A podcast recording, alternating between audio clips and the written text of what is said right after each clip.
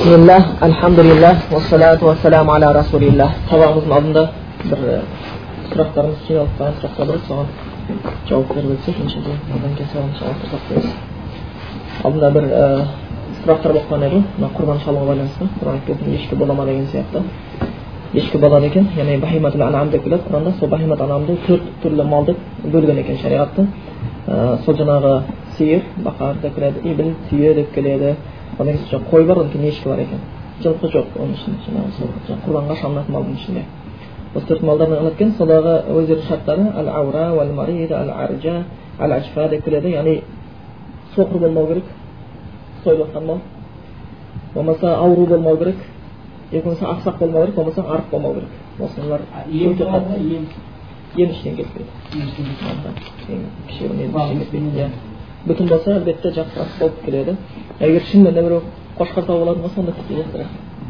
жақындатқан болады өзі құрбан деген сөздің мағынасы жақындату иә алла тағалаға құлшылық етіп отырып жақындау деген мағынасында келеді сондықтан құрбан тек алла тағаланың разылығына шалынады келеді раббың үшін намаз оқы және құрбан шал деп келеді сосын мал сауған кездерінде де оны өткенде айтып кететін зибха деп жаңағы нахар екіге бөледі негізі сою барсын ол жаңағы мойны ұзын малдарды союдың түрі одан кейін мойны қысқа малдарды союдың түрі мойны қысқа малдар басына жақын жерден бауыздалады мойны ұзын малдар кеудесіне жақын жерден тұстан бауыздалады соны кеудесіне жақын жерден ұстағанда наха дейді да мойны қысқаларды басына жақын жерден бауыздағанда зибха деп атайды екен одан кейін екіншісі мал қораның ішінде дәрет сындыруға бола ма деген сұрақ еді иә сондай сұрақ қойылған екен бір неден негізі жалпы мал қораның ішінде дәрет сындырылмаған жақсы ол есептелінеді оған тікелей бір хадистерді келтірген жоқ бірақ соған ұқсас бірнеше хадистер бар. Мысалы пайғамбар саллаллаху алейhi аби хурайрадан келген бір хадисте бұхари риуаят етеді. Аби хурайрамен пайғамбар саллаллаху алейhi өзі дәрет сындыратын кезде яғни истинжа үшін яғни тазалау иә истинжа білеміз иә дәреттен кейін. Кесекпен ба сондай затпен тазалайды ғой.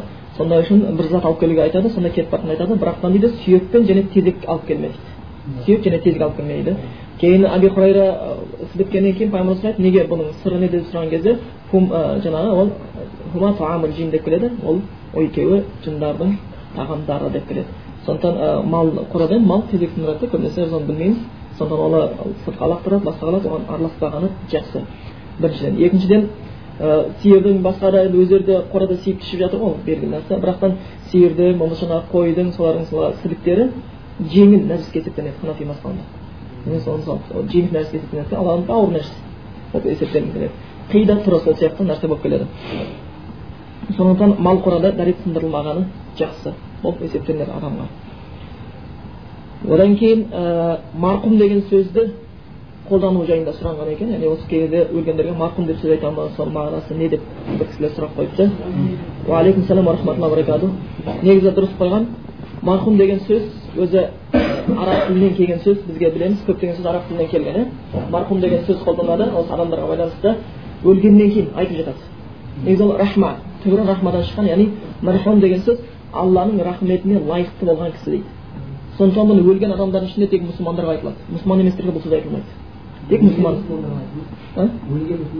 иә мұсылман адам өткен болатын болса мархум пәленше марқұм деп егер қолдануға рұқсат өлгендерге өлгендерді естіген кезде сөйтіп айтады пәленше марқұм өлген сөйтіп ести алсаңыз бірақ бұл айтуға рұқсат бірақ өлгендердің ішіндегі мұсылмандар үшін. Мұсылмандар емес үшін бұл сөз қолданылмайды. Сондықтан бізде шариғаттың алыстауына байланысты көп уақыттарда сондай сөздер орындарынан ауыстырылып қалған. Сол сияқты осының кезде марқұм деген сөздің қатарында көбінесе жаңа бір сөздер қолданылады. Мәлун деген сөз қолданып жатады. Малғұн дейді бізде. Ол лағнетке ұшыраған деген сөз. Бұл шынымен де аллахтың дініне қарсы шығып өмір сүріп кеткен болса шайтандарға айтылатын сөз шайтан малғұн дейміз іблис малғұн дейміз. Яғни алланың лағнеті болсын деген сөз. Болмаса дүниеден өтіп кеткен шынымен де дінге шариғатқа қарсы өмір сүрген адамдар болады ғой. Мысалға осы аллахтың дініне қарсы тұрған оларға да мәлун деп атауға болады. Себебі оған байланысты аяттар бар. Және оларға алланың лағнеті болсын деп келетін көп жерлерде аяттар бар басқа сөз келеді кәпірлік сол кәпірге оларға алланың лағнеті оларға періштелердің лағнеті адамдардың лағнеті дейді да сондықтан адамдарға лағнет айтылады егер кімде кім аллахтың дініне қарсы келетін болса сондықтан ол және сөзсіз ол лайықты адамдарға ол лағнет тиетін сондықтан күнә қатты күнә қылатын малғұн деп малғұн деп атаса болады ал сондықтан мұсылман бір біріне малғұн деп атамау керек осы сөзді қолданбау керек уағалейкум ал не өтіп кеткен мұсылман кісілерге марқұм деп айтамыз біз соны көп уақыт білмей қалдық дейміз бір кісі айтып жатыр халифа алтай атамыздың қасында отырған кезімізде есімнен шығып қалды бір кісі айтқан не телевизордан хабарлаған брежнев марқұм деп сөйлеген екен да сол кезде халифа атамыз күліпті да ешкім түсінбепті басқа ешкім түсінбеген себебі ол кісі тілді біледі ғой басқа тілді білетін ешкім жоқ және дінді білетін ешкім жоқ күліпті дейді сосын неге күлдіңіз десе брежневті марқұм дейді мыналар деп айтады дейді. Яғни шынымен де сол сияқты кейбір сөздер орындарында қолданылмайды. Уақыт келе өте иншалла қолданады деп ойлаймыз сол сияқты мысалы шахид сөз. Шахид сөзі аллах жолында қайтыс болып кетсе сондай сөздер айтылады иә шахид болып келетін болса. Бірақтан телевизордан хабар айтып жатыр дейді.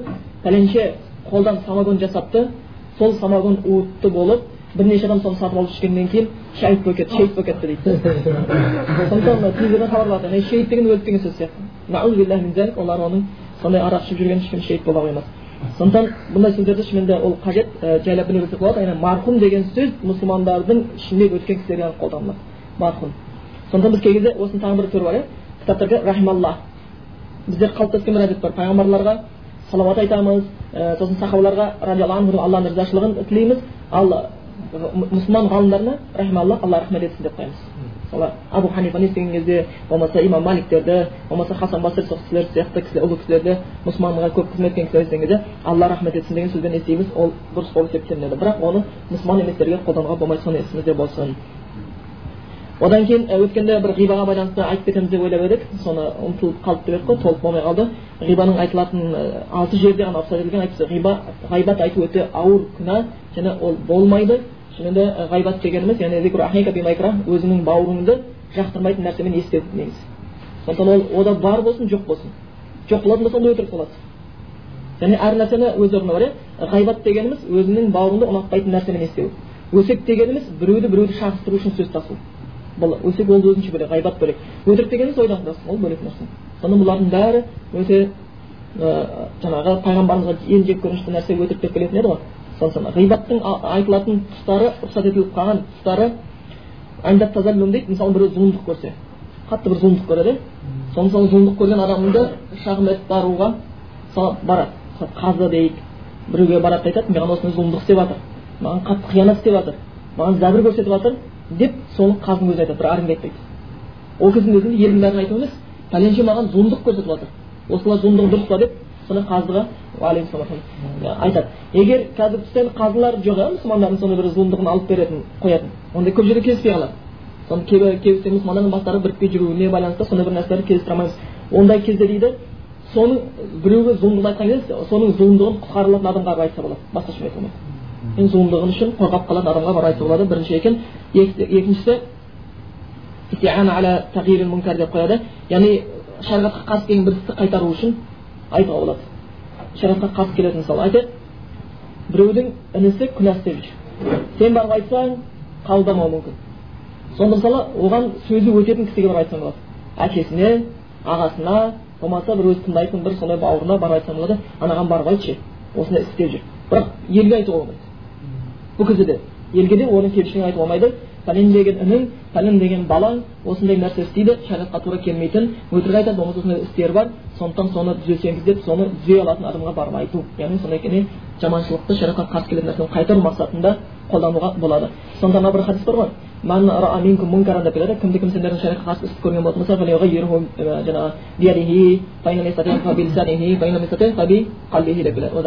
болса кімде кім сендер шариғатқа қарсы істі көретін болса оны қолмен қайтарсын. Егер қолмен қайтара алмайтын болса оны тілмен қайтарсын. Егер тілмен қайтара алмаса оны жүрекпен ренжісін дейді. Бұл бірақ иманның әлсіздігі дейді. Сол ал біздің қазір заманымызда өте сол нәрсе өте жиі кездеседі. Сондай шариғатқа қарсы істерді көріп қаламыз. Кей бір отырыстарға шақырыламыз. Ол отырысқа барсаң арақ қойылып жатады. Болмаса ол отырыста шариғатқа қарсы нәрсе айтылады. Не оны сен тоқтатуың керексің тоқтата алмасаң отырмауың керексің. Бірінші қолмен қайтар дейді. Қолмен қайтара алатын болса кезде мысалы әке өзі отбасында несінде қайтаруы мүмкін ондай нәрселерді болмаса бір қолында билік адам дінді білетін болса қол астына қызметкерлеріне ондай күнә істерін қайтаруына мүмкіндік тууы мүмкін. Егер оған шамасы келмесе тілмен қайтарады. Тілмен қайтару екі түрлі болады ол да. Өзің қайтара алсаң өзің қайтарасың. Екінші өзің қайтармасаң біреуге айтқызып қайтару ол жаңағы несі біреуге айтқызып қайтару. Себебі кей кезде сен өзің айтсаң саған басқа одан сайын өршіп кетуі мүмкін жаңағы. Өте өршіп кетуі жағдай. Сөйтіп кей кезде біздің немізді бұзып аламыз сондықтан бұл кезде даналықты іздеу керек болады. Егер ол болмаса онда жүректен ренжу керек дейді. Бірақ жүректен ренжу деген сөз жақтырмау ұнатпау деген сөз мысалы айтайық арақ ішіп жатқан жерде мен жүрегімнен жақтырмай отырмын деп отыра берген ол ол жақтырмаған адам. Бірін бірін жақтырмайтын адам бір бөлмеде отыра алмайды. Бірін бірі жақтырмайтын адам бір бірімен сөйлесе алмайды. Теріс қарап отырады. И сен қалай арақ ішіп жатқан жерде мен жүрегімнен арақ жеп көремін деп жылаң тыржалаңдап отырасың не болмайды да сонда мүмкін болса ол жерден кетіп қалу қажеттілік туындайды. Екінші үшінші истифта деп қояды истифта. Мысалы бір патуа сұраған уақыттарда. Сол пәленше маған осындай бір істеп қойды мысалы кемшілігіне. Соныкі дұрыс па деп біреуден патуа сұрайсың муфтиден барған кезде яғни бір нәрсені патуа сұраған кезде айту қажет. Егер сондай патуа сұраған кездерде ә, сол адамды айту қажеттілік туындайтын болса айтса болады бірақ басқаға айтылмайды. Бірақ кейбір кездерде ә, муфтилерден ғой кейбір ғалымдардан сұрайды. Мысалы пәленше осындай істеп жатыр сол кезде де жаңағы мүмкін болса үшінші жақтан айтқан жақсы екен да мысалға атын айтпай мысалға пәлен деген ә, мырқымбай деген кісі үйтіп жатыр деместен бір кісі бар ол сөйтеді соныкі дұрыс па деп мысалы да былай айтқанда ғайып яғни өте бір үшінші жақтан сөйлеу сен мен деместен ол деп сөйлеу да сөйтіп сөйлеу біреу сөйтіп сөйлеймін деп біреу бар екен ол сөйтеді екен сонымен бүйтіп өзі сұрағын айтып кеттім ғой ұзақ болып кетті сұрайды да содан мен деп жіберіпті дейді арасында сөйтіп тастаммен жоқ жоқ ол деп айтады яғни бір пәтуа сұраған кездерде болады себебі жөндеу керек болады одан кейін кей кезде одан келетін жамандықтан мұсылмандарды қорғау үшін айтуға болады төртінші жағдай яғни біреу бар қатты бидағаттар істейді сен оны жамандап жатқан жоқсың бірақ басқалар соны алданып қалмау үшін сол үшін ескертсең болады ей ол осындай бір қатты нәрселер істейді кей кезде осындай бір нәрсе саясатпен терең айналысып кеткен оның осындай бір теріс пікірлері бар шариғатқа құранға қайшы келетін сондықтан сақ бол деп ескерткен жақсы себебі онда қажеттілік туындайтын нәрсе себебі имам ахмадтың тұсында бір шәкірті келіп айтады ғой мен бір жерде көрдім ана андай бір кішкене шариғат тура келетін ұқсаған бір ағымдар болады. Өздерінен құран мен сүннетте келмеген ғибадат жасап отырған кезде. Бірақ сырт ұнайды дейді. Соны сіз айтсаңыз дейді.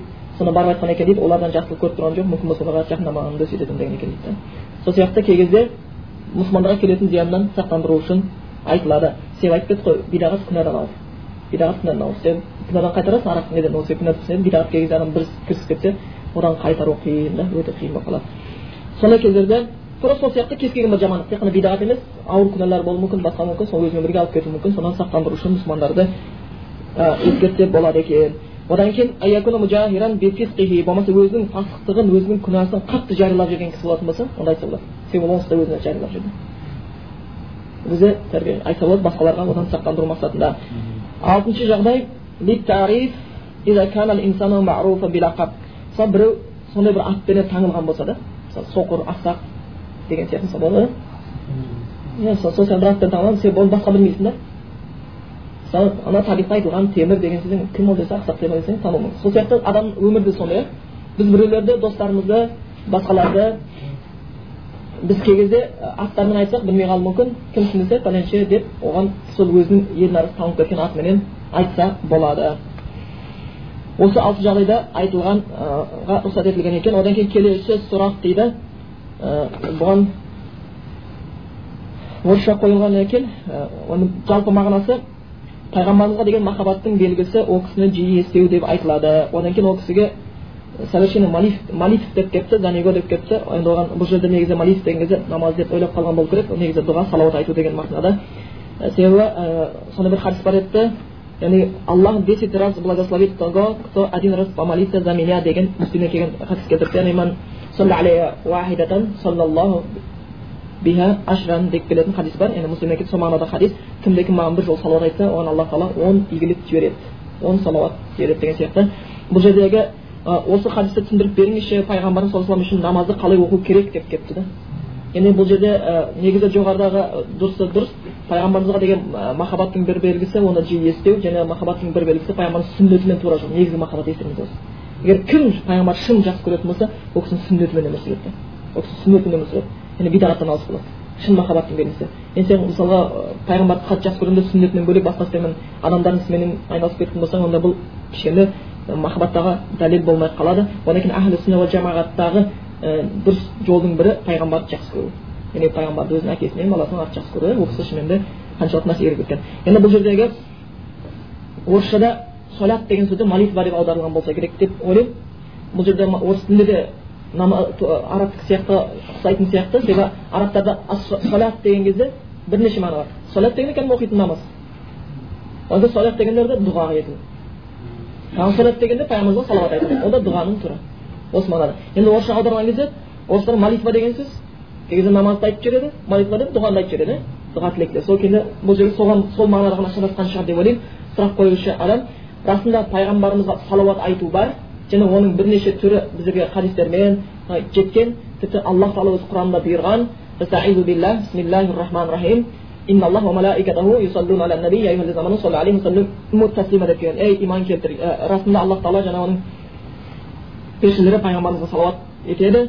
Бұл жердегі салауаттың мағынасы яғни аллах тағала пайғамбарымыз есін өзінің қасындағы қасында мақтап дәріптейді деген сияқты ал періштелердікі болса истиғфар дұға деп келеді екен кешірім өтінеді пайғамбар үшін жарылқау тілейді деп келеді екен ал сондықтан сендер де ей иман келтіргендер соллу алейхи пайғамбарға салауат айтыңдар уасаллиму таслима және сәлем айтыңдар деп келеді да сондықтан салауаттың ең жақсы дейді осы аятқа қараған кезде ғалымдар салат пен сәлем сөзін біріктіру алейхи салату уассалам алейхисалам деп қойыңыз уассалам екеуін біріктіріп айту дейді да себебі алла тағала бізге құранда бұйырған кезде екеуін біріктіріп айтқан дейді да соның ең жақсы болып келеді болмаса пайғамбарымыздың үйретіп кеткен бойынша салауаттардың ішінде ең жақсысы біздің өзіміз намаз айтып жүрген салауаттарымыз иә аллама салли ала мухаммад мухаммад кама саллайта ала ибрахим ала ибрахима иннака хамиду мажид ақырына дейінгі осы салауаттар өте жақсы салауаттар осы сияқты кез келген салауаттар бар және салауат айтудың бірнеше жағдайлар бар. Ол да бізде нелерде келеді. Біз білеміз салауатты айтамыз. Кей кезде мешітке кіріп келгенде салауат айтатын кездер мешітке кірген кезде аллама мұхаммадин деп келеміз. Одан кейін барып аллама рахматика бізге рахмет етіңізші шыққан кезде сол салауат айтамыз. Одан кейін барып сен ұлы фазилетіңнен кеңшілігіңнен сұраймыз деп шығамыз. Болмаса дұға тілек тілейтін кезде де сондай кездер бар. Себебі бір хадисте бар пайғамбар саллаллаху бір сахабасын көреді намаз оқып жатады намазында аллахқа мақтап айтады да кейін кейін дұғасын тілейді. Сонда пайғамбар дейді мынау асықты дейді да. Салауат айту керек еді дейді. Да сондықтан бұл дұға тілек тілеген салауат айтудың біздің тілегіміздің қабыл болуына бір себепкер болып келеді махджубун деп келеді. Яғни салауат айтылмайынша тілектер бір перделенген деп тұрады да. Яғни толық қабыл болуына жете алмай тұрады дейді салауат оқығаннан кейін ол көтеріледі дейді. Бұл да аллах тағаланың пайғамбарымызды құрметтегеннің ұлықтағанының бір белгісі. Басқа пайғамбарлардың алдында абзалдығының бір белгісі болып табылады. Сол сияқты салауатты айтудың бірнеше ә, жұма күндері айт деген кездер мысалға салауатты жұма күні салауатты көп айтыңдар деп келетін хадистер бар. Сол кезде айтқанымыз жақсы. Салауатты одан кейін пайғамбарымыздың есімін естіген кезде салауат айту бар. Ол жайында ғалымдар арасында пікірталастар болған. Біреулер айтқан ә, салауат айту парыздылығы өмірінде бір рет дейді да біреу айтқан жоқ салауат айту парыз оның әрбір есімін естіген сайын деп келеді. Бірақтан ә, шынымен де оны әрбір есімін естіген сайын салауат айтып тұру өте қажетті нәрсе салам себебі аллах айтқан салауат айтыңдар дейді. Сондықтан ол салауат айтуымызбенен бізге он жақсылық аламыз. Он жақсылық аламыз. Яғни аллахтан көптеген біздің ол күнәміз кешіріледі дәрежеміз көтеріледі салауат айтуменен. Сондықтан бұл жердегі пайғамбарымызға деп жаңағы осы хадисті түсіндіріп беріңізші пайғамбар саллаллаху үшін намазды қалай оқу керек дегені burada намаз емес еді бұл жердегі салауат айту яғни салауат айтуменен бізге өзімізге көп жақсылық келтіретініміз рас ол хадистерде дәлелденген және ол салауат айтуымыз керек одан кейін бірақтан пайғамбар үшін намаз оқылмайды ғибадаттың бәрі аллах тағала үшін біз әрқашан фатихада айтамыз бір ғана аллахқа құлшылық етеміз және аллах тағаладан тілейміз деп келеміз сондықтан намаз сияқты ораза сияқты аллахтан бөлек ешбір нәрсеге айтылмайды сонымен осы жерде оқылмайды намаз пайғамбар үшін оқылмайды сондықтан білімнің қажеттілігі осы жерде қажет.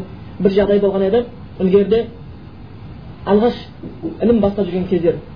Бішкек қаласында болды сонда оқып жаттық. Сол кезде мына дағуат таблих дейміз ғой. Соның жамағаттың бір жігіттері келіп мешітте отыра бергеннен гөрі жүр уағыздап қайтайық деді. Сосын алғаш шынымен де дін үшін қан жеп жүрген жігіттер екен. Соны естідім олармен сөйтіп барған кезде үйлерге кіре бастадық есімнен шығып қалса төрт адам болады ғой енді біреусі дәлел болады біреусі жаңағы мутакалим деп қояды сөйлеуші болады біреу тасбих айтушы біреу дұға қылып жүруші сондай адам болады. Яғни біреу есікті қағып береді алып барады жол көрсетеді. Екінші сол уағыздайды деген сияқты біреу тасбих айтып тұрады біреу дұға қылып тұрады деген сияқты мағынада. Кейін солармен бірге барған едім. Мен менің жұмысым тапсырды олар сенің жұмысың тасбих айтып тұр дұға қылып тұру деді басқа ешкімге араласпайсың енді жаңадан қосылып ғой ана бір жігіт ол сөйлейтін жігіт болып шықты біреу есік қағатын жігіт болып шықты. Сосын үшінші жігіт есімнен шығады ол бір жұмыс бар еді орнында. Сонымен келе жатқанбыз ең соңында мен келе жатырмын таспих айтып келе жатырмын. Сонымен бір үйге кірдік кіріп есікті қағып едік. Ар жағынан бір орыс әйел ма жоқ әйтеуір европалық әйел кісі ұлты бөлек өзім орыс шығар деп ойладым. Сол ашты күліп қарсы алып о келіп қалдыңсыңдар енді мүмкін көзден глазок да көрді ма? сондай күлгеніне қарағанда кіріңдер кіріңдер қандай жақсы болды деді. Сөйтсек жаңағы үй сектаның жаңағы өздерінің точкасы екен да? Не баптистер ма не эговистер ма сол ойлап қалған болу керек біз бір диалогқа келіп тұр деп. Ал енді жаңағы дағуат таблиғтың несі бойынша ешкіммен дауласпау керек екен ол кезде. Сол жаңағы белгілі болған екен жоқ біз қателестік мұсылмандардың үйімізде жүрдік деп. Жаңағы кете салсаң жоқ кіріңдер кіріңдер чай попьем деген сияқты. Анау мынау айта бастады мен кіргізу керек болды оған. Сөйтіп тұрған кезде сосын ол айтты жоқ енді рахмет деді. Сосын айтты дұрыс деді. Біз бәріміз айналып келгенде бәріміз бір құдай деп жүрген адамдармыз ғой деді да. Дініміз бөлек болғанмен бәріміз бір құдай деп жүрміз ғой деді да. Болып же один деді. У нас же жила кровь же цвет крови один сондай сөздермен келеді ғой бір. Бәріміз адам атаның баласымыз ғой. Деп сөздермен уже сиқырлай бастады сөйтіп дұрыс дұрыс ол сондай ғой бірақ енді біз кешіресіз біз басқа кетіп қалған кезде сөйтіп ей ешқандай айырмашылық деді да сендер де құдай дейсіңдер. Біз де мысалы біз де құдай дейміз. Біздер де құдай дейміз де исаға сыйынамыз сендер де құдай дейсіңдер де мұхаммед пайғамбарға сыйынасыңдар ғой деді мына жерде негізі дағуат таблиғаттың заңы бойынша сөйлеспеу дауласпау керек болған бірақ мына жерде анау кісі шыдай жоқ деді. Біз тек қана бір ғана аллахқа құлшылық етеміз аллахтан өзге еш нәрсеге құлшылық етпейміз деді да сол жаңағы үшінші жігіт жаңағы қызметін ұмытып қалдым деген жігіт сол барған білімнің өте керектігі да білімнің өте керектігі осы жерде айтайын деп жатқаным. Сол кезде үшінші жігіт жаңа жерде анау айтты жоқ біз бір ғана құлшылыққа аллах құлшылық етеміз аллахтан өзге нәрсе сыймаймыз деді да сөйтіп анау жаңадан қосып жүрген жігіт екен. Дінге келе салды да дағуат деп шығып кеткен жігіт екен. Және шыдай алмай ей дұрыс айтады ғой бізде аллахқа аллахты бар дейміз және аллахта аллахқа да сыйынамыз оның жаңағы иесі мұхаммедке де сыйынамыз ғой деп айтты да сосын анау бірінен ей не деп тұрсың деді. Сөйтіп ей қалай денің дұрыс па сүннет намазды кім үшін оқып жатырмыз сонда оның ойы бойынша парыз намаздарды аллах үшін оқып жатырмыз да сүннет намаздарды пайғамбар үшін оқып жүрміз деп ойлапты да. Қараңыз негізі үлкен күнә. Үлкен күнә. Бірақ бұл жердегі бір не бірінші оның білімсіз істеп жатқандығы өз алдына күнә біз айтқан ілімсіз амал жасау қылмыс дедік бірінші екіншісі мұсылмандар осы жерде жаңағы діннің алдында мәртебесі қатты түсті да анау күлді айттың ғой деп зачем скрывать деді белгіліміз ғой деді сол бұрылып кетіп қалу керек болды сонымен жол бойында дағуат жайына қалды таласумен кетті шынымен негізі дауласу дұрыс емес сондықтан әрқашан керек болған нәрсе ол білімнің жетілдіруі әрқашан сондықтан бір титтей нәрсе үйренсек те ля иляха илланы үйренсек те үйретпестен бұрын соны біліп алайық. Ля иляха деген лә дегенде иляха дегенде иллаллах дегенде соны біліп алайық. Себебі қазір қараңыз пайғамбардың сахабаларының кезінде пайғамбар саллаллаху алейhi бүкіл жаңа деген аят түсті. Яғни жақындарыңды уағызда деген аят түскен кезде ол бүкіл халықты жинап сафаның төбесіне көтерді да я деп адамдардың бәрі келді. Бүкіл базардан сосын айтты егер мен сендерге қазір мына қырдың арт жағында қарулардың астында әскер тұратын жау тұр десем сенесің бе сенеміз деді да бірақ пайғамбар ля иляха үйретейін деп ешқайсысы қарсы шықты бәрі қарсы шықты сондықтан ол мүшриктерге ля иляха иллаллах деген сөзді айтқызу өте қиын болған да себебі олар неге айтпай тұр мағынасын біледі он адамнан біреусіне айтқызу қиын болған қазір он адамның тоғызын айтып кете береміз да оп оңай айтқызып кете береміз уағалейкум сондықтан орындар болса негізі алып алып жайғасып алыңыздар сондықтан негізі есіңізде болсын оны бір расында дағуат жасау ол мұсылманға өте қажетті нәрсе мұсылманның сипаттарынан бірақ сол үйреткен кезде сол адам түсінді ма түсінбеді ма соны білейік. Біз айтып қойдық деп ойлап қалмайық. Себебі қанша аяттар бар?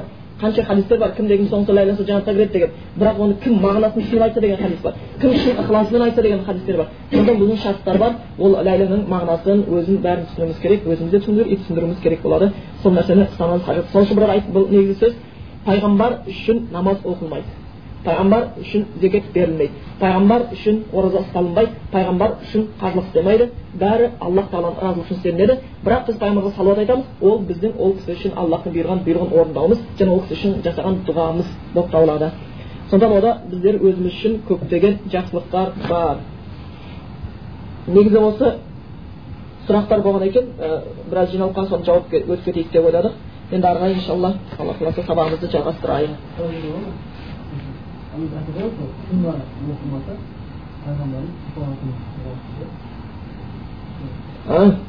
Сүннет деген парыз деген негізі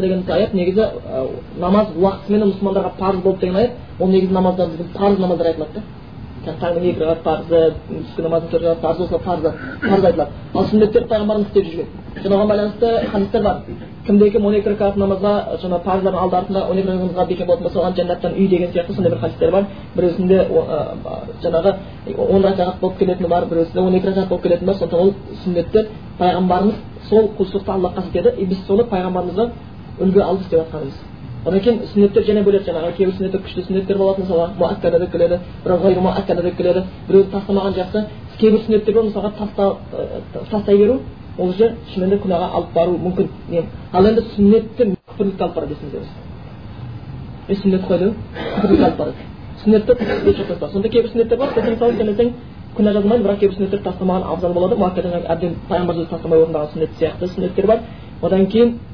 жаңағы ал сүннетті мүлдем менсінбеушілік қойшы ол сүннет қой маған аллахтың бұйрығы жетті уже бұл күфірлікке алып барады себебі алла тағала құранда бірінші аятта болған расул аллахқа мойынсұныңдар және елшісіне мойынсұныңдар не нәрсені сендер алла тағаланың елшісі берген болса алыңдар да дейді қайта болса қайтыңдар деген аяттар бар. Сондықтан аллахтың елшісіне істеген нәрсені істеу сосын келеді. Расында сендерге аллахтың елшісінде көптеген үлгі бар дейді сондықтан өзімізге үлгі алғанымыз дұрыс болады. Күпірліктен күпір қарсы келушілік деген кәдімгі дозаққа алып баруға себепкер болатын күнәлар одан кейін біз келесі өткен сабақтарымызда пайғамбарымыз саллаллаху алейхи уассаламға байланысты тақырыпқа келіп тоқтаған едік иншалла алла тағала баршамызға жәрдем етсін иманымызды қуаттасын аллахтың дінінде тура жүруімізді нәсіп еткізсін баршамызға ақиқатты ақиқат қылып көруімізге соған еруімізді нәсіп етсін және жалғанды жалған деп тануымызға одан сақтауымызға алла баршамызға нәсіп еткен болсын бұда деген тақырыпты өткенде айтып өткенбіз кішігірім түсіндіріп кетсек болады яғни аллахтың елшісі мұхаммед расында аллахтың таңдаған құлы және оның сондай бір таңдаған пайғамбары және риза болған елшісі деген нәрсе айтып кеттік одан кейін осы жерде бірінші шынымен де ақида құл деген нәрсе айтты құл деген сөздің шынымен де өте қажетті де маңызды істерден болып табылатынын білеміз себебі пайғамбарымызды бірінші біз құл деп тануымыз керек себебі пайғамбарымызды дәріптеуде шектен шығып кетпеу үшін себебі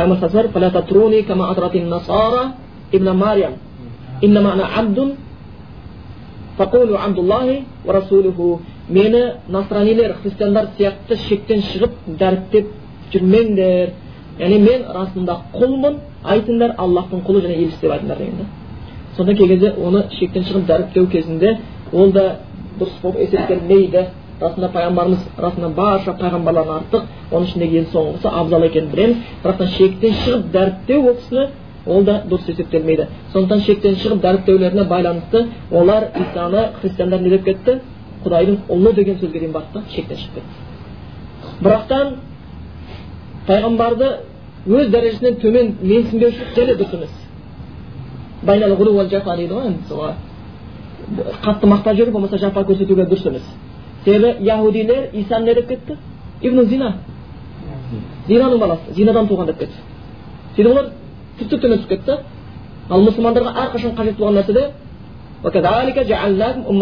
сендер сол сияқты сендерді біз ортақ қауым еттік дейді да сондықтан ақшан болуымыз керек аллахтың бізге қалай ынсап әділдік болу керек аллах бізге қалай үйреткен солай неуіміз керек пайғамбарымыз расында әкемізден баламыздан баршамыздан жанымыз артық сүюіміз қажетті бірақ шектен шығып дәріптеп жіберу ол дұрыс емес сонда кейбір дәріптеулердің түрлері христиандарға ұқсап қалатын кездерді көріп қаламыз иә соңында жасыра алмаймыз. Біздерде қазір мәуліт деген сондай кең тарап кетті. Ана мәуліт бірде істелін бірде істелмей қалған болса ол ештеңе емес еді. Бірақ қазір мәуліт істелмей қалса қатты бір күнә сияқты көреміз. Мен мешіт имам болып жүрген кезде мәуліт істелінбей істелінбегенде кешіктірілген кезінде көп адамдардың келіп ей мәуліт не болды? Сауаптан құр қалатын болдық қой деп сондай көп сөздер айтқандарын таң қалдым да сондай бір сәл бір нәрсе адамның жүрегіне шайтан қалай тез кіргізетінін таң қаласың да. Соншалықты. Одан кейін кейбір мәуліттеріміз бізге қазір уже концерттік кешке дейін бара жатыр да. Оның үшін намаз оқымайтын музыканттарымыз келіп өлең айтатын болды. Біз соған ой пайғамбар мақтап жатыр мәз болып мына жақта отыратын болдық. Сондықтан пайғамбарым салауат айтсаң айт салауат қанша? Сүннетін орында егер жақсы көретін болсаң негізі мәуліт пенен рождество екеуі айырмашылық жоқ айырмашылық жоқ. Анау да туған күн мынау да туған күн. Христиандар туған күн ойлап тапқан иса пайғамбар үшін тойлай беретін бізде туған күн айтады тойлайды пайғамбарымыз кезінде ол нәрсе істелінбеген еді кейбіреулер соны ақтауға алып шығуға тырысады бірақ енді аллах тағала түзесін дейміз қазір оны істеп жатқан нәрседен бас тартып біз оларды айыптамаймыз тек сондай нанымда сондай сенімде үйретілгендіктен алла тағала иншалла келешекте түзету беретін шығар деп ойлаймыз себебі аллахтың сүннетінен абу ханиф айтқан сияқты аллахтың өзі көрсеткен құлшылық түрлерінен артық бір құлшылық түрімен құдайға ғибрат жасай алмаймыз деген сол негізі өте жақсы айтқан сол сияқты біз пайғамбарымызды дәріптеуде міндетті түрде мәуліт болмаса пайғамбарымыз дәріптелмей қалады деген нәрседен ойдан аулақ болуымыз керек бір ә, екі жігітті көрген едім оқитын екеуі де білімдері жоғары бірақ екеуі де тәжіктің жігіті біреусі мәулітті дұрыс емес деп біреуі дұрыс деп жатыр да сосын жаңағы анау дәлелін айтып жатыр мынау дәлелін айтып жатыр сонда ана мәулітті дұрыс деген жігіт айтып отыр ғой ей біз мәуліт кезінде пайғамбарға арнап өлеңдер айтамыз өйтеміз соның бәрі қате дейсің ба пайғамбарымыз мединаға барған кезде деп өлең айтып қарсы алды ғой дейді да сөйтсе екіншісі тәжіктің жігіті айтады да пайғамбар сенің ауылыңа барса сен де өлең айтып қарсы болмаймын дейді да. Ол туған күніне қатысы жоқ па? дейді да. Сенің ауылыңа сен де қуанды өлең айтсаң саған қарсы болмаймын дейді. Енді ол туған күніне қандай қатысы бар еді? дейді да ол өлең шынымен кей кезде біз бір нәрсені дәлелдеу үшін болмайтын нәрсеге жабысып қаламыз да. Сондықтан шынымен де біз ол дәлелді әрқашан құран мен сүннеттен іздеуіміз қажеттілік туындайды. Сондықтан пайғамбарымыз ол аллахтың құлы. Сондықтан оған байланысты қанша деген аяттар бар. Пайғамбарымызды аллах тағала құл деген есімімен бірнеше атауменен құранда келтірген мысалға субханаллази асра би абдихи исра сүресінде келеді бірінші аятта сондай пәк аллах тағала өзінің қолын алып жүрді жаңағы миражға көтерген кездегі оқиға етін егер сендер қолымызға түсірген түсірген нәрседе күмәндарың болса яғни құранда күмәндарың болса деп келетін аяттар бар. Бақара сүресінің жиырма үшінші аятарында деп келетін аяттар бар. Бұл жаңағы жын сүресінің он тоғызыншы аяттарында яғни аллахтың құлы раббысына құлшылық ете бастаған кезінде оның жан жағына үймелеп қалғандығы жайында хабарлайтын адамдардың яғни қайран қалып бұны істеген істеген сияқты. Сондықтан сондай сияқты бірнеше болмаса кияс сүресін келеді. Сондай барша мақтау аллахқа болсын өзінің құлына кітап түсірген деп құл деген есімдермен келеді. Ол ол жақсы бір есімдердің бірі. Сосын құл деген есім баршаға қамтитын есім деп айтып кеттік құл деген есімде біздер де бәріміз кіріп кетеміз. Сондықтан кім шынайы құл болса ол нағыз дәрежесі да. Ал кім құлдық дәрежеден өзін жоғары сағысы келетін болса ол уже төмендей береді. Сәл құлдық дәрежеден құл деген нәрсе егер біздің осы бір адам арасында құлдатын болсақ құл деген нәрсе егесінің айтқанын бұлжытпай орындайтын кісі деген сөз.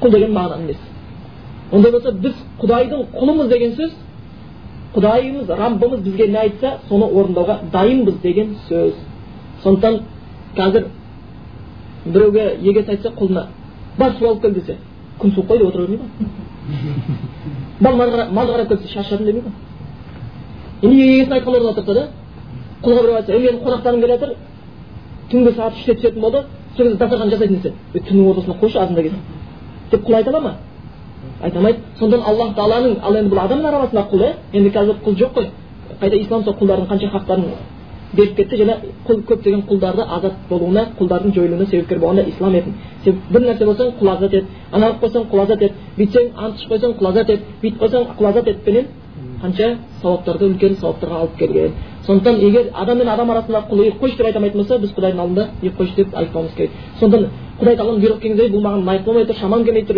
қойшы деп сылтау айтуымыз құлдық дәрежеден өзімізді жоғары санағымыз келгендігі да кім өзін құлдық дәрежеден құдайдың алдындағы құлдық дәрежеден жоғары санағысы келе бастаса өзінің мәртебесін дәрежесін түсіре бастағаны.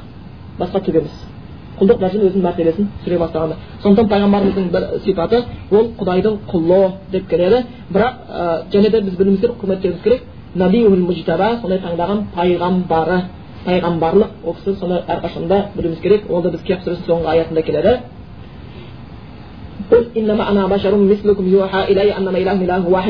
айт мен сендер сияқты пендемін маған бірақ уахи етіледі деген сол пайғамбармын деген сөз да деген сол мағына береді сендердің тәңірлерің бір деп уахи етілді деген сияқты сол айтылады сондықтан мұртада енді пайғамбарлықтан да жоғары нәрсе ол елшілік дедік елшілік өткенде түсіндіріп кеткенбіз иә өткенде айтып кеттік барлық пайғамбарлар елші бола алмайды барлық елші пайғамбар деп соны елшінің ішінен де таңдайды елшілік елшілік пайғамбарлықтан дәрежесі жоғары елшілік пайғамбарлықтан дәрежесі жоғары пайғамбарымыз пайғамбар да елші де оны араб тілінде пайғамбарды наби дейді елшіні расул деп атайды сол кезде аударған пайғамбар бізге қазақтың тілінде парсыдан келген пайғамбар яғни хабар әкелуші деген сөз мағынада аллахтан хабар әкелуші деген мағына біледі одан кейінгісі тағы тақырып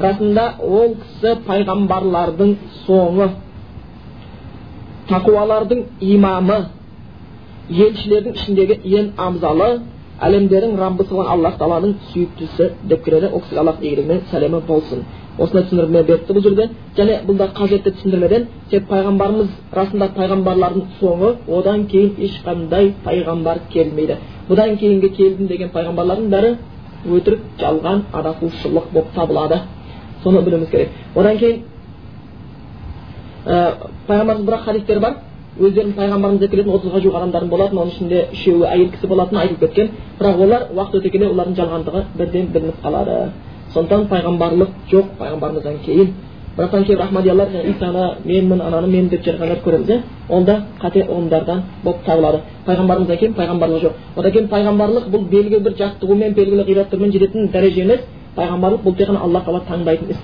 сондықтан пайғамбарлық келмейтін болғаннан кейін мен бір құлшылықты көп істеп пайғамбар боламын деген ойда қате болып табылады сондықтан оған байланысты аяттар бар ахзаб сүресінің жаңағы қырқыншы аятта деп келетін аят бар яғни пайғамбар сендердің ешқайсыларының әке ер кісілердің ішінде ешқайсыларының әкелері болмады бірақ ол кісі аллахтың елшісі және пайғамбарлардың соңы деп келеді пайғамбарлардың соңы деген кезде набиин деп келді русул деген жоқ айттық пайғамбарлар деген екен бітті елші де пайғамбарға тоқтайды деген сөз пайғамбарлардың да елшісінің де деген сөз себебі елші пайғамбарлардың ішінен шығады есімізде болсын сонда шебірлер басқа ұғымда түсініп қалып жүрмесін да пайғамбарлар бітті болмайды ол кісі пайғамбардың соңы ал елшілердің соңы жоқ мен елші боламын деген нәрсе болмайды ондай нәрсе жоқ нәбиин деген соң елшісіз қалып кетеді ол қамтиды себебі біз айттық бүкіл елші пайғамбар дейміз бірақ бүкіл пайғамбар елші емес деп айтамыз осы қағида сол үшін айтылады да сондықтан ол кісі пайғамбарлардың соңы дейді былай айтқан өзіне тарихы бар пайғамбардың ешкімнің әкесі емес ер кісілерден келетін бұл зейд ибн харисаға байланысты аят етіп біз білеміз ол кісі пайғамбарымыздың асыранды баласы ретінде болған.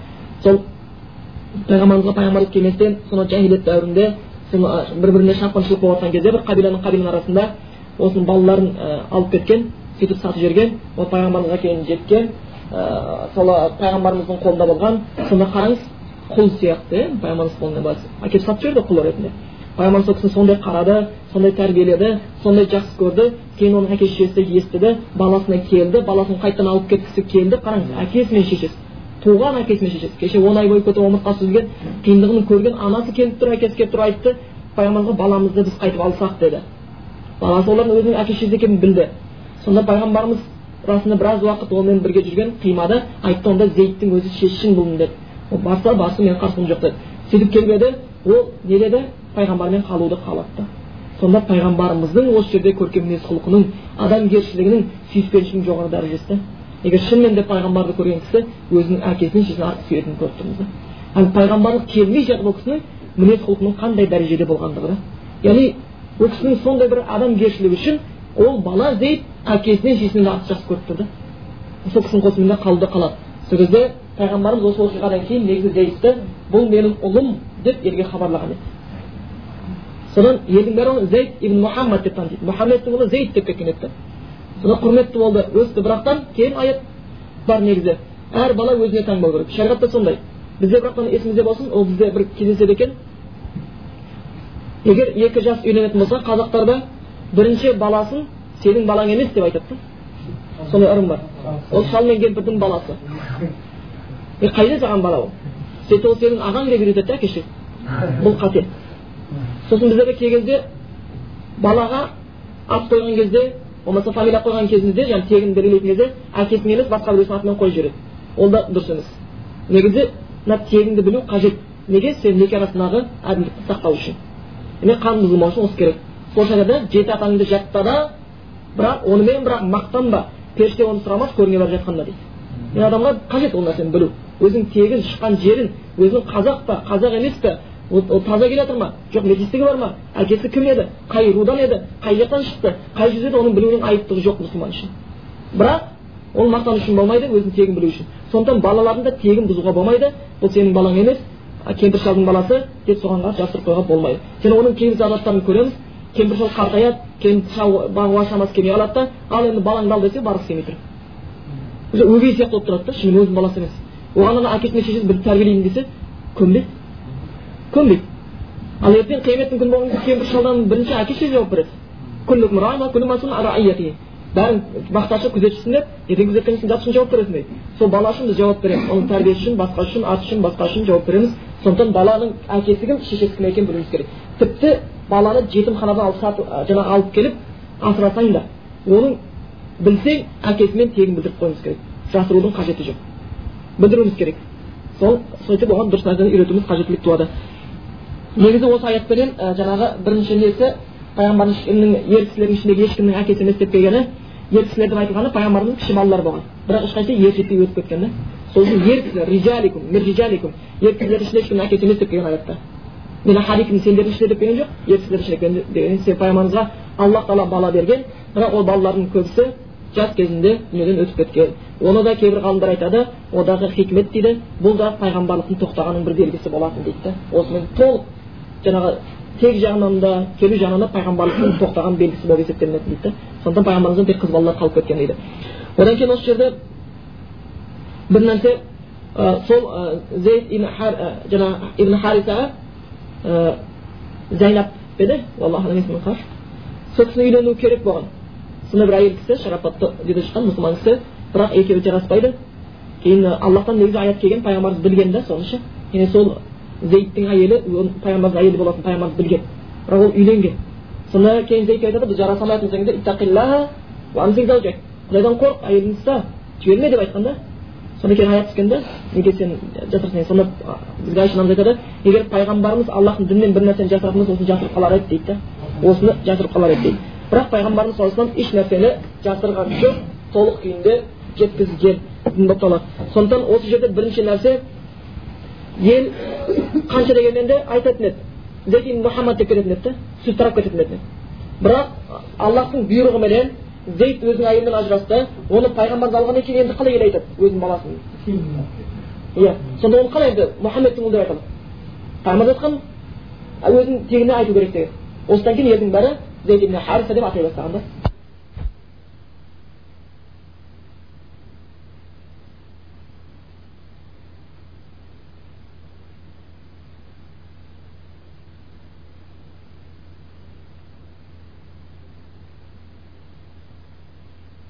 басқа халықтар үшін үлкен бір сабақ болған еді. Бірақ осы тұста кейбір өтірік хадистер бар біздің осы орта жерде қатты кеткен оны қатты сақтауымыз керек. Ол хадисте жаңағы мауду ойлап ойластырған хадис. Пайғамбарымыз зейттің үйіне барған екен үйіне оқыса кіріп келіп қалса ол зейттің әйелі жалаңаш келіп отырған екен. Пайғамбарымыз ой субханаллах деп кетіп қалыпты сөйтіп жаңағы әйеліне келіп сұраса зейт не болды десе пайғамбар келіп қалды мен киімсіз отырған кезде келіп қалды байқамай деп айтқан екен. Не болса субханаллах деп кетті ондай болса енді сені пайғамбар алсын деп талақ қылған екен деп береді. Бұл хадис өтірік. Өтірік болғанда да тіпті тек өтірік хадис емес дінге қарсы хадис та сондықтан осы нәрсе және ескере кетуіміз керек осы біздерде сираға байланысты пайғамбарлыққа байланысты кейбір жалған хадистер бар кейбір хадистерді кейбір имамдар ел құрметтеген бір кісінің ретінен әжептәуір мына грамматикадан сабақ береді өзінің негізгі мамандығы грамматика мен фихтан сабақ береді бірақ сирадан тарих айтып жатыр екен түйенің үстінде неге екі өркешті болды деген себебі дейді сондай хауариждер мен мұсылмандар арасында соғыс болған кезде олар мұсылмандар дейді жаңағы ұрып қинап дейді кейін пайғамбарымыздың әйелін түйенің үстіне жалаңаш мінгізіп масқаралаймыз деген кезде аллах тағала соны түйенің екі өркеш өсіріп әуреттерін жауып қойды дейді да и осыны қорықпай айтып отыр да сондықтан өте сақ болуымыз керек. Расында осы кез тұстарда исламды жою үшін тек қана тікелей қылышпен болған болмаса саяси болған қақтығыстар болған жоқ. Исламды жою үшін исламның алып жатқан бұлақтарын да ластау болған. Сондықтан бұлақтың ішіне неше түрлі нәжіс салған соны ішіп көп адамдар байқамай жүретіндері де бар. Болмаса бір кісі бес уақыт намаз оқиды бірақ құранға байланысты айтып отқан уағызы оны пайғамбарымыздың қарындасы жазыпты құдыққа салыпты оны тас өлтіріп елге аллахтан кітап түсір деп айтқан екен бірақ оны аллахтан түспепті қолмен жазды дейді енді осыдан кейін ол қалай намаз оқып жатқанын адам түсінбейді сондықтан көп адамдардың иманын өзін тексеріп көру өзінің иманын біз аллахқа иман келтірдік періштеге иман келтірдік кітаптарға иман келтірдік аллахтың елшілеріне иман келтірдік деген осы дұрыс келтіріп жатыр соны білуіміз керек егер солар аллахқа иман келтірдік деп аллахқа кемшілік сипат беретін болсақ періштеге иман келтірдік деп оларда бір сондай болмайтын болса еркек әйел деп бөлетін болсақ оларды бір қылмысқа жалғастырып қоятын болсақ алтын көзі періште жолдан тайған деп оларға сондай сипаттар беретін болсақ періштеге алтын неге қажеті бар дүние жемейді ғой не қажеті бар алтын көрсе періште жолдан тайған деп өзіміздің күнә істерімізді періштеге апарып жауып соны тосқымыз келеді де қойшы кімді осы жаман нәрсені тыясың дейсің деген сияқты сөйтіп келеді сөйтіп иман келтірдік деп сондай сөз айтатын болатын болсақ елшілерге иман келтірдік деп жаңағы пайғамбарлар жайында жаңағы өтірік хадистерді айтатын болсақ онда ол иманымыз нұқсан иман келтірген болып сондықтан біз пайғамбарымызды ондай білмеуіміз керек сондықтан пайғамбарымыз ешкімнің әкесі деп келмеді ол аяттағы біз алайын дегеніміз хатаман пайғамбарлардың соңы соңы бұдан кейін пайғамбар келмейді одан кейінгі айтқан нәрсенің бәрі өтірік жалған болып табылады екен одан кейін жалпы кімде кім пайғамбардан кейін пайғамбар мұхаммед мұстафа саллаллаху алейhi кейін бір пайғамбар келеді дейтін болатын болса ғалымдар айтқан кәпір болады деген кәпір болып кетеді деген мұсылмандық әсте әсте кәпір болып бір деген осы сөзден адам кәпір болып кете береді бір ауыз сөзден адам кәпір болып мүмкін жоқ мұхаммед пайғамбардан кейін де пайғамбар келуі мүмкін бар пайғамбар деп айтатын болса кәпір болады сол күйінде болмаса күдіктенсе де кәпір болады екен келуі мүмкін шығар деген ойда жүрсе е мүмкін келуі мүмкін шығар десе кәпір болады есіңізде болсын сондықтан құранда нақты аят келді мұхаммед пайғамбар саллаллаху кейін ешбір пайғамбар келмейді. Бұл соңғы пайғамбар. Оған байланысты көптеген хадистер де бар. Ол жайында айтылған ана жаңағы білген хадисте. Пайғамбарымыздың жаңағы сипаттарын айтып хадисте не деп келеді? Бүкіл пайғамбарлардың мен менің жаңағы мысалым дейді олар бір үй соққан сияқты ол үйдің бәрін соқты тек қана бір кірпіші ғана жетпей тұрған сияқты көрген адам ой шіркін осы кірпіш болса деді сол кірпіш мен деп айтты да яғни үй бітті дін жетті бұдан кейін пайғамбар келеді сондықтан бұдан кейін пайғамбар келмейді сондықтан кім осы соңғы пайғамбар мұхаммед саллаллаху алейhi вассаламның дінімен дұрыс ұстайтын болса сол құтылады кім онымен ұстанбаса ол тұтылады сондықтан жаңа пайғамбарымыз діні алдынан келген барша діндерді мансұқ етеді яғни күшін жояды сондықтан қазіргі кезде пайғамбарымыз келгеннен кейін жоқ мен христиан дінімен жұртты жарыққа кіремін деген болмаса яхуди дінімен кіремін деген оның бәрі жалған болып қалады ол кісінің дінінде болу керек себебі оған байланысты көптеген аяттар бар хадистер бар ол жайында яғни көптеген пайғамбарлар олар жекелеген қауымға келетін пайғамбарымыз бүкіл адамға келген рахматул аламин деп қояды яғни бүкіл әлемге рахмет ретінде жіберген одан кейінгісі имамул атқия тақуалардың имамы дейді бұл да керекті сөз әхлі сүнна уал жамаа ұстанған адамдарға бұл өте қажет себебі әхлі сүнна уал жамағада жүрген адамдардың ең ұлы имамы пайғамбар мұхаммед мұстафа ең ұлы имамы осы кісі сол үшін кейбір ғалымдар ол кейін аталып кеткен абу ханифаны үлкен ғалым мойындады бірақтан имамун азамун деген сөзге қарсы шыққан көп ғалымдар кәдімгі ахлі сүнна жамағат ғалымдар себебі дұрыс қойылмаған дейді себебі мұсылмандардың ең үлкен имамы ол пайғамбар мұхаммед мұстафа саллаллаху алейhi ол кісіден бөлек имамдардың сөзі құран мен сүннетке тура келсе алынады да тура келмесе қайтарылады яғни пайғамбарымыздан қалған кез келген имамдардың сөзі сүннетке тура келсе қалған қалған тура келсе қалдырмайды ал пайғамбарымыздың сөзін ешкім қайтармайды сондықтан жаңағы имам малик өзі мединада сабақ беріп жатқан кезде бәріміздің сөзіміз қайтарылады деді сонда ғалымдар айтып жатыр да және қабылданады тек қана енді мына қабірде жатқан кісінің сөзінен бастады деген да пайғамбарымызды яғни көрсеткен содан ол кісіні біз имамымыз басшымыз яғни басшы деген алып барушы яғни атқия тақуалардың басшысы саидул мурсалин елшілер ішіндегі ең абзалы. Яғни біз айттық пайғамбарлар бар пайғамбарлардың ішіндегі абзалы елшілер бірақ елшілердің ішіндегі абзалы мұхаммед пайғамбарымыз саллаллаху вассалам егер елшінің ішіндегі абзал болатын болса пайғамбарлардың да абзалдығы белгілі болып табылады екен. Біз солай деп сенуіміз қажетті болады одан кейін пайғамбарымыздан кейінгі пайғамбарлықты жария ету оның бәрі адасушылық нәпсіге ергендік қателік болып табылады дейді себебі пайғамбарымыздан кейін жаңа айтып кеттік оны түсіндіріп ешқандай пайғамбар келмейді оның бәрі адасушылықты ғана айтушылар біз бірақ тарихта айттық өзінің пайғамбар кісілер де болған болмаса пайғамбарымыз кезде көзі тірісінде екі адам шыққан.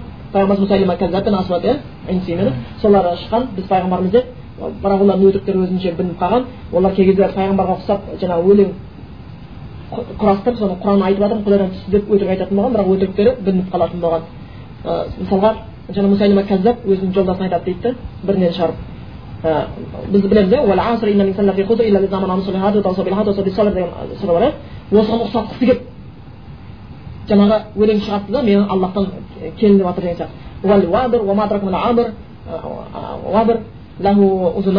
деп айтты да енді аудармасы уабір деген бір түлкіге ұқсаған бір жануар бар екен да уабір білесіңдер ма уабір деген не оның екі құлағы бір кеудесі бар деп айтады и осыны аллахтан келді деп айтады дейді да кейін досына айтады дейді қалай қалай мені құрастырғаныңызды айтады дейді да мен білемін ғой сенің жынды екеніңді оның қасында жүрген досы оның жынды екенін білген бірақ сырттағы адамдар пайғамбар деп сенген. Пайғамбар сенген да тура осы сияқты нәрсе қазір тәуіптердің басында көп кездеседі олар өздері біледі өтірік айтып жатқандарын қасындағылар да біледі өтірік айтып жатқанын. Және көмектеседі оның өтірігін тарау үшін бірақ айналасында көрмегендер оған сенеді. Тура сол сияқты мысалы кейбір айлаларды табу алып келеді сондай бір сиқыр жолдарын пайғамбар сияқты менің мұғжизам бар әулие сияқты менің кереметім бар деп жаңағы көрсетуге тырысады болмаса қырғызстанда біреу айтқан сияқты бір әйел отыр екен еркек па есімнен шыққан әйел еркек бір жаңағы палшылықпен айналысады дейді базарда кәдімгі жазып қоятын ғой вермишель жазған сияқты бәленше палаш осынша бағасы осынша осынша деген бір бір бөлке нан жиырма үш теңге деген сияқты бір отыр дейді сондай тауып кісі кейін отырады дейді сосын біреуге келген кезде пал ашатын кезде жаңағы биатоғым арқам қысып бара жатыр деп қиналып келеді екен үһілейді екен жерді алақанымен ұрады екен сөйтеді екен да сөйтсе жаңағы пал ашатын кезде бір осылай таба сияқты бар екен темір таба соны жаңғақ тұрады екен да бір екі жаңғақ па есімнен шыққан сөйтіп жаңағы жаңғақты бүйтіп қазір мен саған қазір айтып беремін деп бүйтіп қиналып айқайлап түшкіріп кекіріп сөйтеді екен сөйткенде жаңғақтар домалайды дейді да өзін өзі көрген адам ойпырмай мына керемет еді? деп оны айтқан сөзін қабылдайды неге жай айтса сенбейді. Кейін соның өтірігі шығып қалыпты сөйтсе ол сондай ящик істеп алған онысы темір таба қойған оның астына плитка бар ғой кәдімгі шай қойып ішетін сондай плитка қойған жаңғақты аласың қоңыз ұстайды екен де тұрғыңыздарды жаңғақты ішіне алып тастап ішіне қоңыз қалмайды екен де жабыстырып қояды екен. Сөйтіп мына жаққа розеткеге тығады екен плитка. Сөйтіп қиналып жатқан кезде ана қоңыз да қиналып жатыр сосын барып жаңғақ аунайды екен да сөйтіп енді алдайды сондықтан бүкіл сиқыр әрбір алып келген тәуіптердің түбінде өтірік бар. Сондықтан сиқырдың жаңағы хадисінде сиқыршының жазасы қылышпен басын шабу дейді да сондықтан мединада ондай нәрсені көрмейсің талшыларды да көрмейсің сиқыршыны көрмейсің бір сиқыршы ұсталынған мединада сонымен айналысқан бірақ оның басы шабылған дейді жақта оқыған жігіттер айтады ол жаңағы қағаздарды ақшаға айналдырып сондай сиқырмен айналысқан да а бізде қазір біреу сөйтіп істейтін болса о керемет екен деп шығады да әулие екен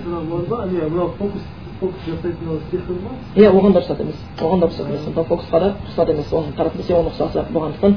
Сондықтан сахабалардың пайғамбар өткен екен бір сахабаның тұсында қазір абу зар ма еді есімнен шыққанда бір сахаба болған өте күшті сахаба. Сол бір халифаның тұсында бір сиқыршы келіп өнер көрсетті да жаңағы.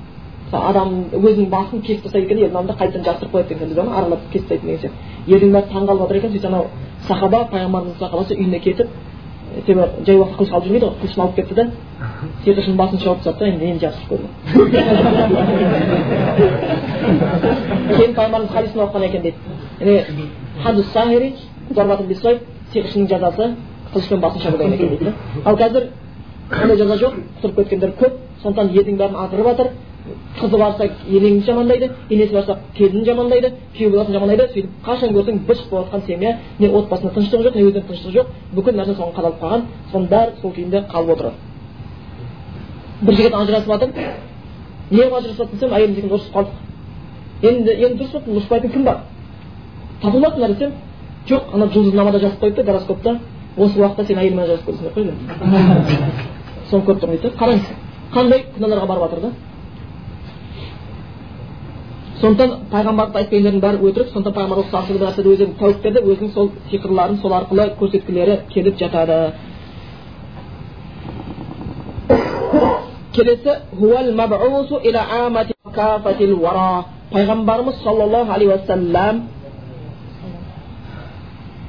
жындарға да адамдарға да барлығына толығымен түскен жындардың бәріне адамдарға пайғамбар болып түскен бұл кісінің пайғамбардың несі ол жайында көптеген дәлелдер бар иә?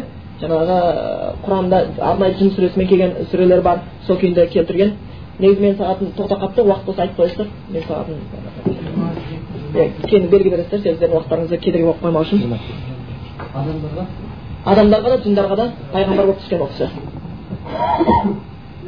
елші ретінде жіберілген адамдарға да жындарға да сондықтан жындардың ішінде де біз сондықтан білеміз сол жын сүресінде келеді өзінде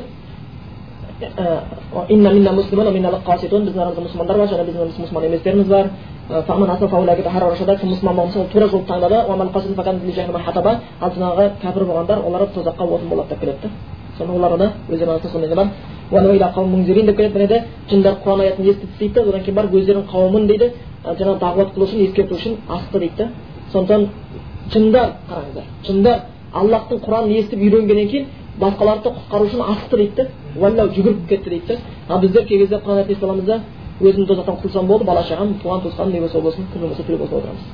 Жын құрлы қазір дәреже қалмаған да сондықтан дағуат жасау мұсылмандардың ол сипаттарынан.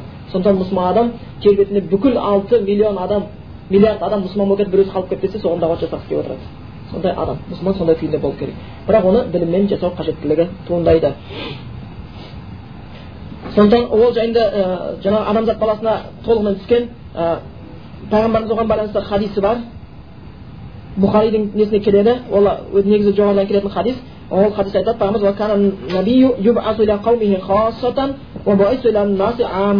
пайғамбарлар дейді менің өзінің алдында пайғамбар пайғамбарлар белгілі бір халыққа жіберілетін дейді да арнайы бірақ мен бүкіл адамзат баласына жіберілдім дейді яғни сондықтан бұл пайғамбарымыз бүкіл халыққа бүкіл ұлтқа бүкіл елге пайғамбар. Соны ол кісінің діні сол күйінде таратылуы керек болады.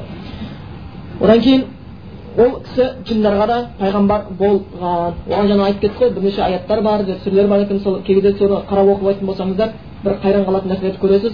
Мысалға жын сүресінде келеді. Аузу биллахи мина шайтан ражим бисмиллахи рахмани қул илай самана инна аджаба дейді. Айт дейді маған уахи етілді жындардың кеп құлақ салғандығы олар құранға құлақ салып не айтты біз ғажап бір құранды естідік деді жындар бағалады ол адамның сөзі емес екен басқасы емес екен жындар бағалады біз олардан дәрежеміз жоғары болып тұр кей кезде құранның сөзіне ешбір дәлелсіз ол адамның сөзі болса керек деп айтамыз дәлеліміз жоқ сөйлесі дәлеліміз жоқ айтты құранын ажаба және құранды тыңдап та және тек қана айтқан жоқ ғажап теңдесі жоқ қана құран деп айтқан жоқ осы құран туралыққа бастайды деді да соны білді біз де соны білуіміз керек аллахтың кітабы бізді дүние ақыретте туралыққа бастайды ертең жәннатқа жетуімізге мүмкіндік беріп тозақтан құтылуымызға себепкер болады сондықтан құран бізді бастайды ол айтты ол бізді туралыққа бастайды иман келтіріп оған деді да құранға иман келтіргендегі бір себебіміз аллахтан түскен ғана кітап емес осы кітапқа амал істесек бізді тура жолмен жүреміз деген нәрседе иманымызда болу керек. Сондықтан қазіргі уақытта мұсылмандар айтып ғой бірнеше топқа бөлінген. Неге? Бірігулері қиын. Неге бірігулері қиын мұсылмандар? Әр топтар. Өйткені әр топ біздікі дұрыс маған келіп айтады да. Ешқашан айтпайды құрандікі дұрыс құранға барайық деп айтпайды. Құран туралы алып баратын да топ алып бармайды. Әрбір топ өзіндегісімен мақтанады дейді да. Өздерінің программасы бар өздерінің жолдары бар. Біздіңкі сияқты істесең бізбен боласың. Істемейтін болсаң сендер адасқансыңдар бар жерде. Бірақ құрандағыдай істейік деп ешкім айтпайды сонда қазіргі кезде бірақ құдайға шүкір көптеген мұсылмандар қазіргі кезде ойлану үстінде. Көптеген мұсылмандар ойлану үстінде. Себебі қанша деген мұсылмандармен жолықтым басқаларды көрдім. Олар дауласып қалады. Бірақ ол дауласуларында шынымен нәтиже бар. Ей сенікі де дұрыс менікі де дұрыс деп кетіп қалғанда нәтиже жоқ. Бірақ дауласып бір бірімен айтқан кезде одан нәтиже бар. Тек ихтилаф келіспеушілік болады бірақ ифтирақтан сақтауымыз керек ажырап кетуде мұсылман екенімізді ұмытпауымыз қажеттілік туады себебі айран пісірмесе май шықпайды сондықтан мұсылман мұсылман кей кезде бір біріменен сөзін таласпаса шындығын таба алмайды сондықтан әрқашан шындық ол құранда соған жақындауымыз қажеттілік туады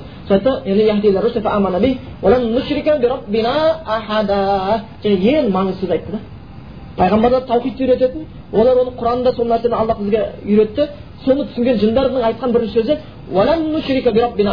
енді раббымызға ешкімді серік қоспаймыз деді да ешкімді серік қоспаймыз деді қалай түсініп жатыр да құранды бізде он жыл намаз оқығандар бар он жыл құран оқып жүрген бар фатиха сүресін. Бірақ раббысына сыйынады бөлек нәрсеге. Әруаққа сыйынады тасқа сыйынады әулиеге сыйынады піріне сыйынады шейхына сыйынады анаған сыйынады мынаған сыйынады ал жында айтады раббымызға енді ешқандай серік қоспаймыз дейді ол сондай ұлы болған раббымыз не әйел де не бала да емдей біледі дейді да насранилердің де қатесін біліп жатыр монтаж айтып жатыр әйел жоқ бала жоқ дейді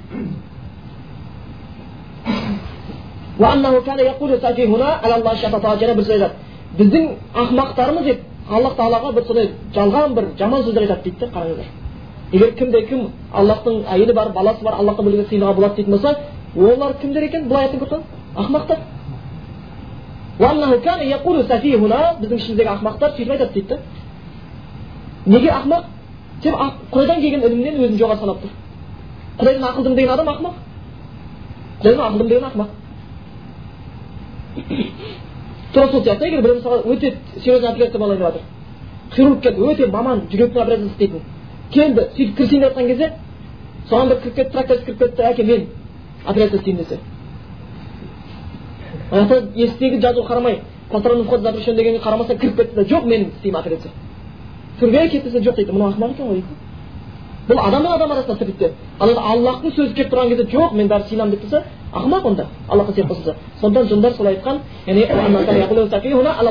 раббымызға аллах тағалаға сондай болмайтын сөздер айтатын еді дейді сондықтан бұл да пайғамбарымыз адамдарға да пайғамбар болып келген жындарға да пайғамбар болып келген ақиқатпен келді тура жолды үйретіп келді жаңа нұрмен келді дия сондай бір сәулемен келді саллаллаху алейхи уассалам аллахтың игілігі мен сәлемі ол кісіге болсын дейді шынымен де ол жайында расында аллах тағала бір елшісі ол бір нұр сияқты жарық сияқты сол айтамыз сол үшін айтқан жабық есік шыға беріп алдынан көп адамдар бақыт іздеп тарыған сен есіктің ашылғанын қаласаң кілтін алдың пайғамбардың қолынан дейді.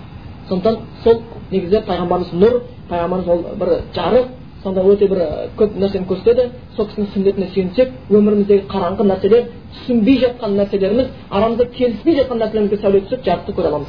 Егер мына тас осы тас бұл бөлмеде свет жоқ болатын болса бұл бөлмені әлі кіріп көрмеген біреу болатын болса осы жерге отырғызып қойса сосын свет жағатын болса ана нені табу үшін свет жағатын включительный табу үшін стенаның бәрін сипап алып шығады да.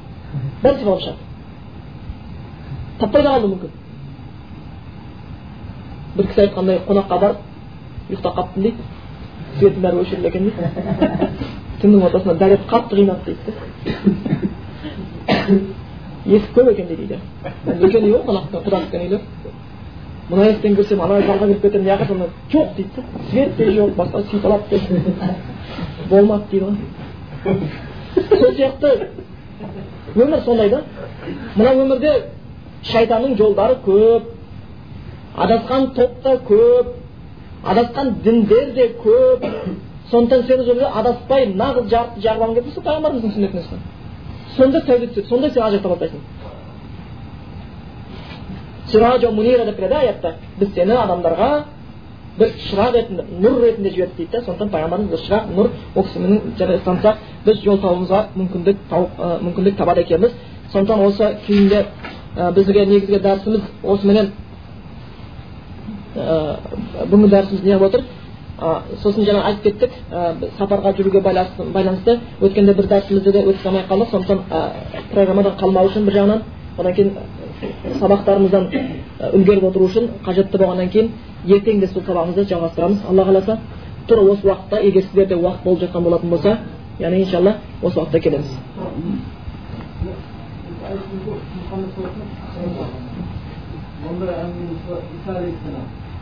Ол екінші кейбір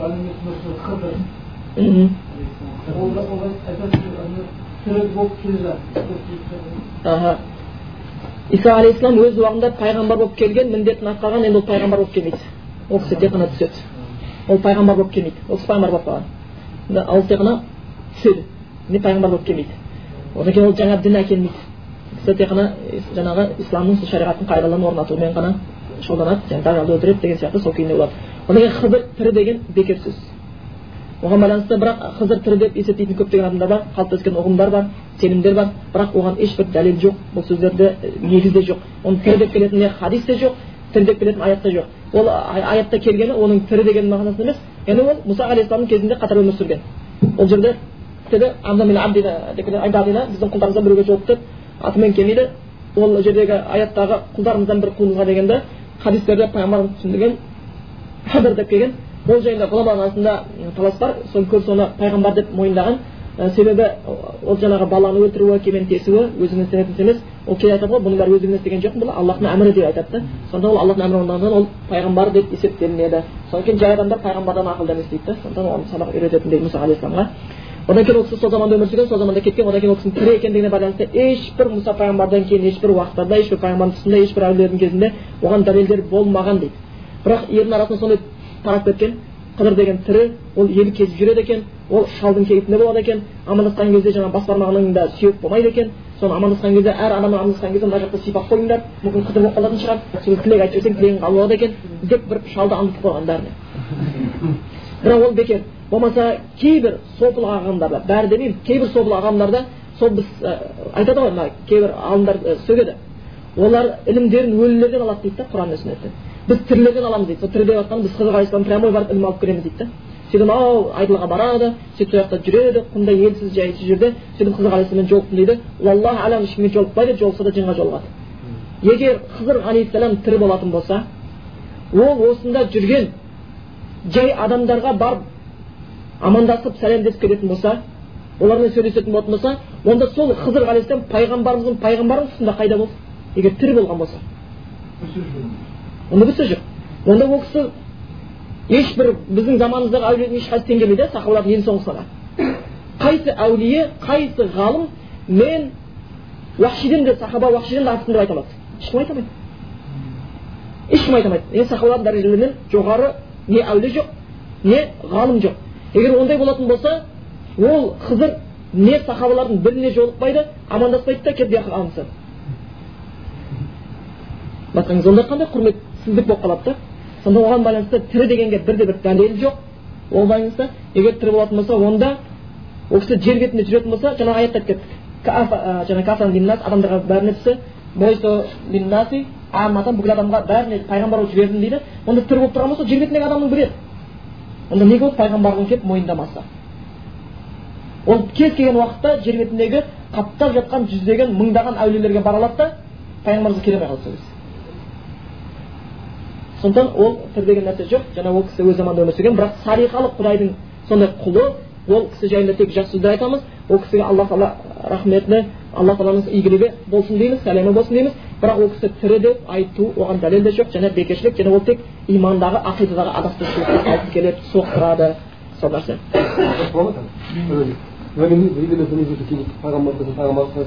Кейбір нелерін айтады. Именно сол уақытқа келді. Қазіргі уақытта ол кейбіреуіне келмейді дейді. Ол нелер нені пайғамбардың пайғамбар саласын мұхаммад саласын келген нелер қазіргі уақытта ол келмейтін мәселе дейді пайғамбарымыз үйреткен діні сол өз заманына лайықты біз заманға лайықты емес деген ғой ол да ол да бекер сөз болып табылады себебі алла тағала құранда айтқан мен ешбір жан егесіне шамасы келмейтін істі жүктеген жоқпын деп келді одан кейін шынымен де құранда бүкіл адамге пайғамбарды бүкіл адамзат баласына түсіргені айтылып кетті одан кейін құранды жаңа хадистерде қиямет күніне дейін сақталатыны ол жайында айтып келген құранды қорғап қоямын деді алла тағала қорғап қойды ол не үшін осы адамдарды үйреніп білу үшін содан кейін одан кейін кейбір адамдар осы заманда дінді толықстауға келген кезде бір өздерінің қыңырлықтарына байланысты шариғат толықстамауға байланысты мынандай пікірлер айтып жаңағы айтқан сияқты. Яғни пайғамбарымыздың діні өз заманына лайықты етін біздің заманымызға лайықты емес. Яки болмаса бұл дін арабтарға өте лайықты бізге лайықты емес. Басқа ұлттарға лайықты емес.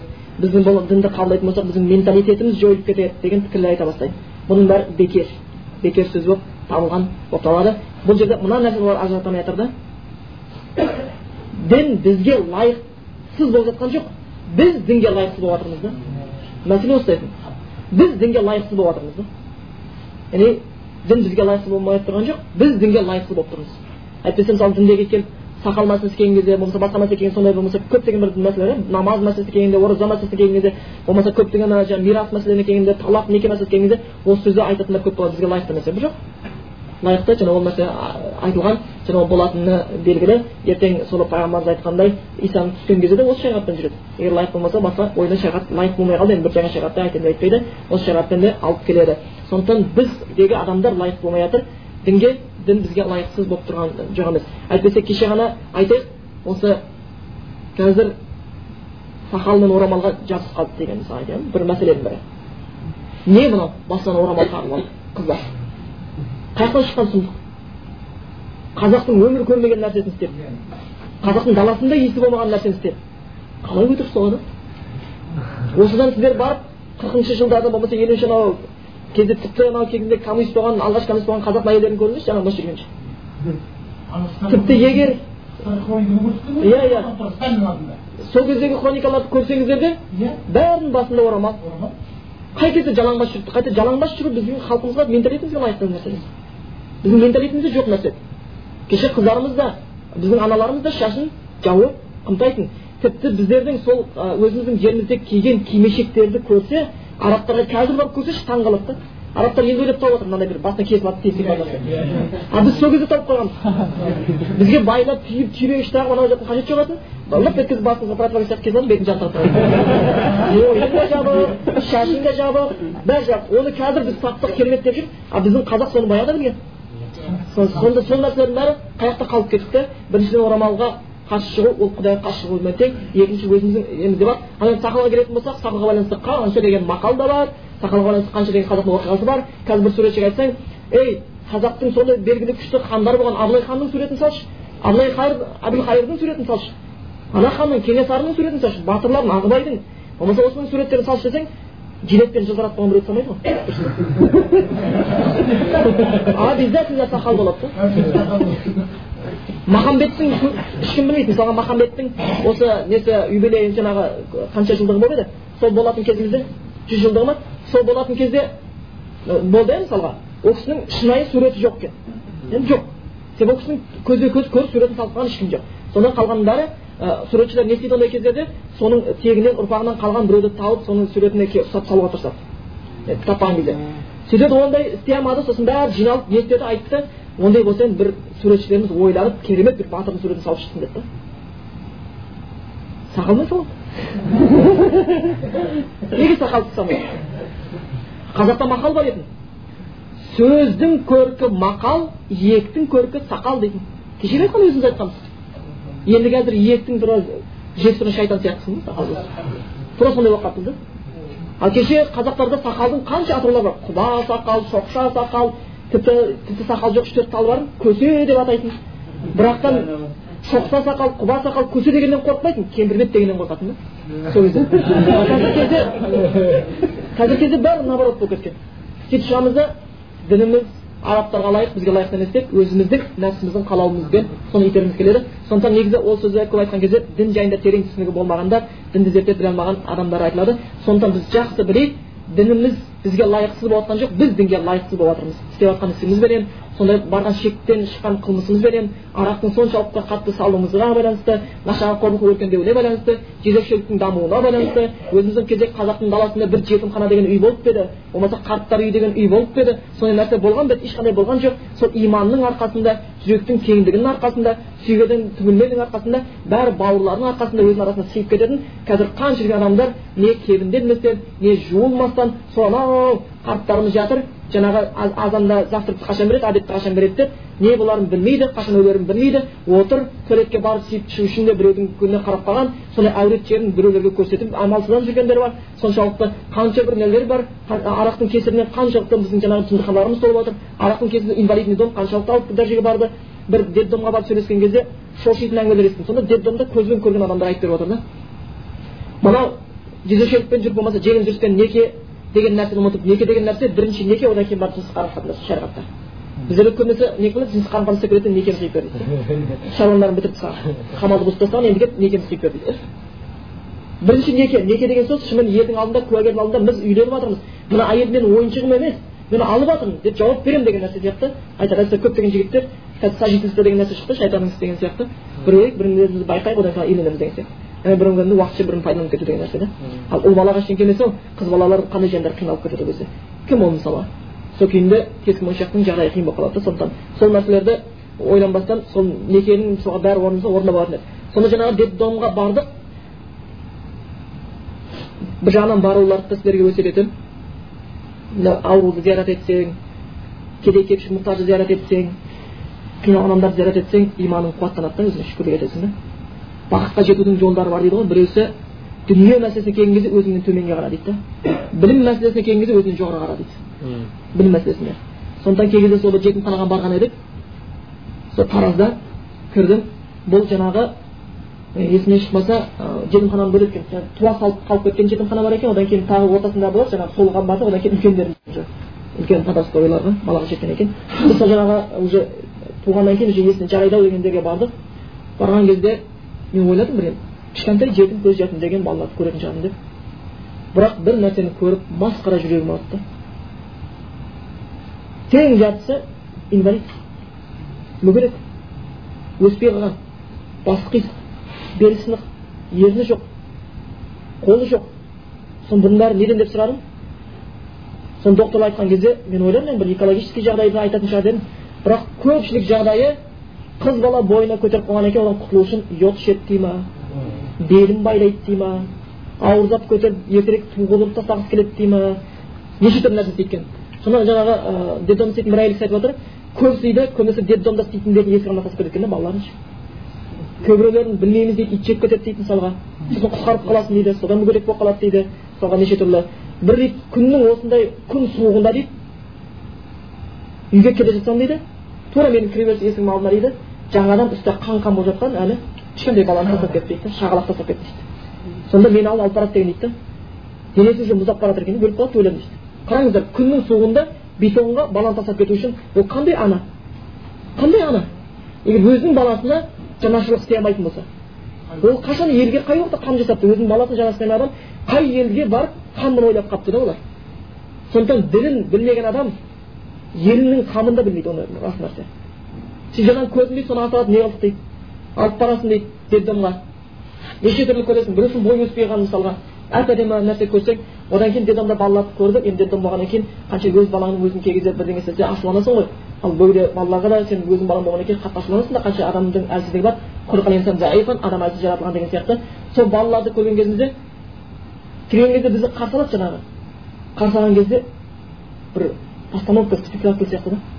Бәрі бір бірінің қолынан ұстап жүрген кезде тоймен жүреді. Келген кезде күліп бүйтіп тұрады да.